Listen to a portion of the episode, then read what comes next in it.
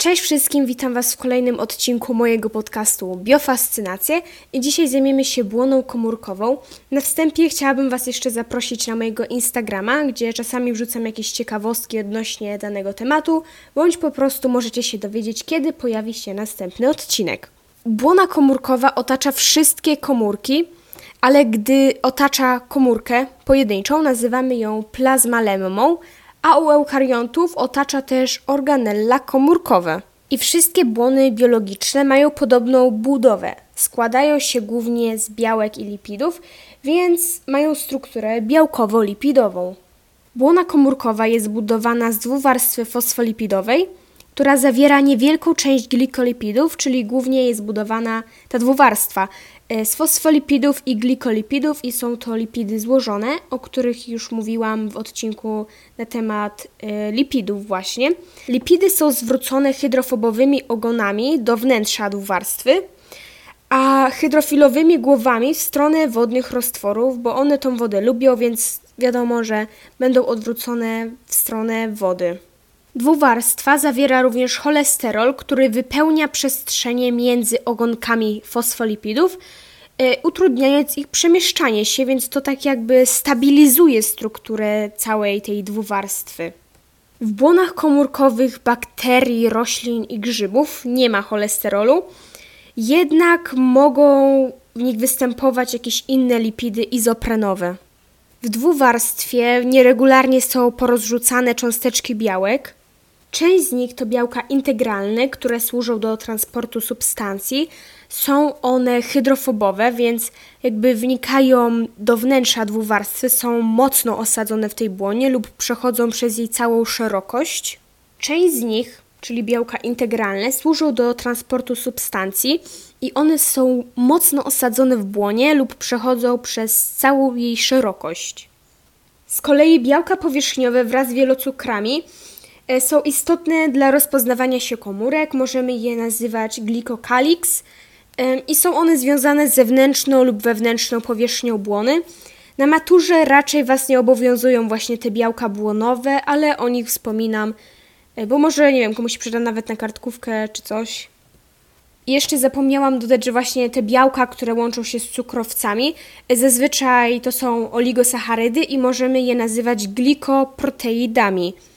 Białka możemy podzielić jeszcze ze względu na pełnione funkcje, no i tutaj wyróżniamy białka transportujące, które oczywiście biorą udział w transporcie różnych substancji pomiędzy komórką a jakby środowiskiem zewnętrznym.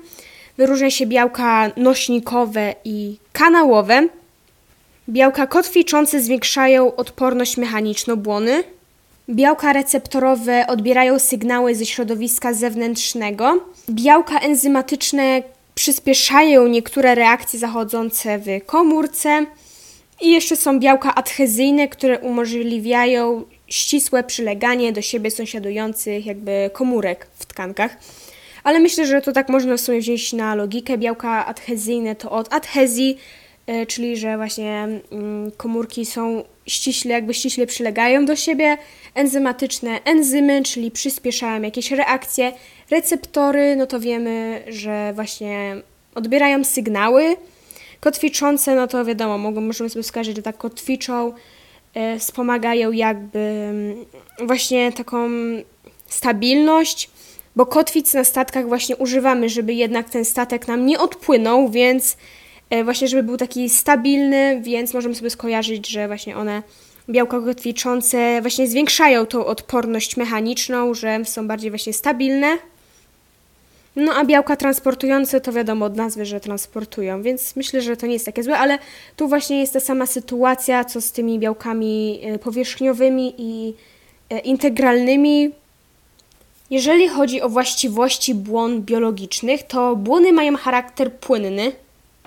Błony komórkowe dzięki swojej strukturze i właściwościom fizykochemicznym mogą skutecznie oddzielać wnętrze komórki od środowiska zewnętrznego Możemy to porównać do naszych domów, ponieważ one też nas oddzielają od powiedzmy reszty świata czy podwórka. Wszystkie błony są zbudowane według jednego modelu, który nazywamy modelem płynnej mozaiki. I to jest właśnie to, że błona się składa z dwuwarstwy fosfolipidowej, z tych białek, z tego cholesterolu. Jeżeli chodzi o właściwości błony, y, to ma charakter półpłynny i to jest dlatego, że fosfolipidy przemieszczają się w odrębie warstwy i wymieniają się między warstwami. Cholesterol, który wypełnia przestrzenie między ogonkami fosfolipidów, uniemożliwia jakby, czy ogranicza ich poruszanie się, więc to jakby stabilizuje strukturę dwuwarstwy, więc ogranicza płynność błony. Lipidy o krótkich i nienasyconych łańcuchach węglowodorowych będą zwiększać płynność błon, bo y, oczywiście są słabsze, a lipidy o długich i nasyconych łańcuchach działają odwrotnie. Im bardziej płynna jest błona, tym jej przepuszczalność jest większa i to oznacza, że im bardziej fosfolipidy mogą w niej się swobodnie poruszać, y, to błona jest bardziej przepuszczalna dla pewnych substancji. A jeżeli błona jest mniej płynna, tym większa jest jej spójność i szczelność. Błona jest także asymetryczna, czyli w każdym punkcie składa się z czegoś innego, więc jest niejednorodna e, i jest również półprzepuszczalna, inaczej selektywnie przepuszczalna, czyli błona sama decyduje, co może przez nią przejść. Spójrzmy teraz na funkcję błony komórkowej. Um, I ona przede wszystkim chroni komórkę przed negatywnymi czynnikami środowiskowymi, na przykład przed wnikaniem patogenów. To możemy porównać do naszych domów, gdzie jednak ten dom ochrania nas przed na przykład deszczem. Błona pośredniczy w transporcie substancji do i z komórki, odbiera sygnały z otoczenia i przekazuje je do wnętrza komórek czy organelli i również uczestniczy w wytwarzaniu i rozprzestrzenianiu impulsu nerwowego. Jeżeli chodzi o zadania maturalne, to znalazłam takie z matury z sierpnia 2011, czyli to było dosyć dawno. Jest to poziom rozszerzony, formuła 2007. E, jest tutaj rysunek błony, gdzie są zaznaczone białka integralne, dwuwarstwa, białka powierzchniowe i cholesterol. Mm, polecenie brzmi tak. Poniżej przedstawiono model budowy błony komórkowej w komórce eukariotycznej. Zapisz wszystkie litery, którymi na schemacie oznaczono białka i lipidy, więc tutaj myślę, że warto jakby zapoznać się z wyglądem błony, żeby tak mniej więcej być w stanie rozróżnić te elementy. Następne pytanie. W jakiej komórce roślinnej czy zwierzęcej występuje przedstawiona na schemacie błona komórkowa? I oczywiście jest to komórka zwierzęca, ponieważ zawiera cholesterol. I ostatnie pytanie. Podaj, jaką funkcję w błonie komórkowej pełni cholesterol. Więc tak jak już mówiłam, on zmniejsza płynność błony komórkowej lub inaczej usztywnia błonę. Szukając zadań związanych z błoną komórkową, znalazłam takie fajne związane z wodą i żałuję, że nie widziałam go wcześniej, gdy nagrywałam odcinek o wodzie. Jeżeli ktoś jest ciekawy, to jest ona z matury z maja 2016, formuła 2015. Jeszcze znalazłam zadanie z matury z czerwca 2011, czyli również z dość dawnego okresu. Poziom rozszerzony, formuła 2007. Mało jest takich zadań związanych właśnie z jednym tematem. Występowały one bardziej na maturze tej starej formuły. Teraz te zadania są bardziej pomieszane. Ale tak, e, Polecenie brzmi następująco. Poniższe zdania dotyczą błąd biologicznych, zaznacz dwa, które są nieprawdziwe. I przeczytam teraz te wszystkie zdania. A więc A. Wszystkie komórki są otoczone błoną komórkową. B. Wewnątrz komórek eukariotycznych znajdują się struktury otoczone jedną lub dwiema błonami. O tym jeszcze będę mówić. C. Mimo różnic funkcjonalnych, wszystkie błony w komórce zbudowane są z dwuwarstwy lipidowej, w której znajdują się białka. D. Stosunek zawartości białek i lipidów jest taki sam dla każdego rodzaju błony komórkowej i E. Glikokaliks występuje na powierzchni błon komórkowych w komórkach prokariotycznych i eukariotycznych.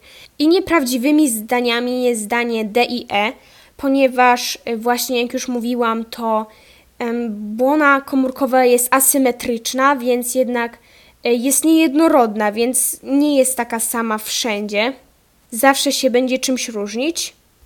Jeżeli chodzi o to zdanie dotyczące glikokaliksu, e, to właśnie on występuje najczęściej w błonie komórkowej eukariotycznych komórek.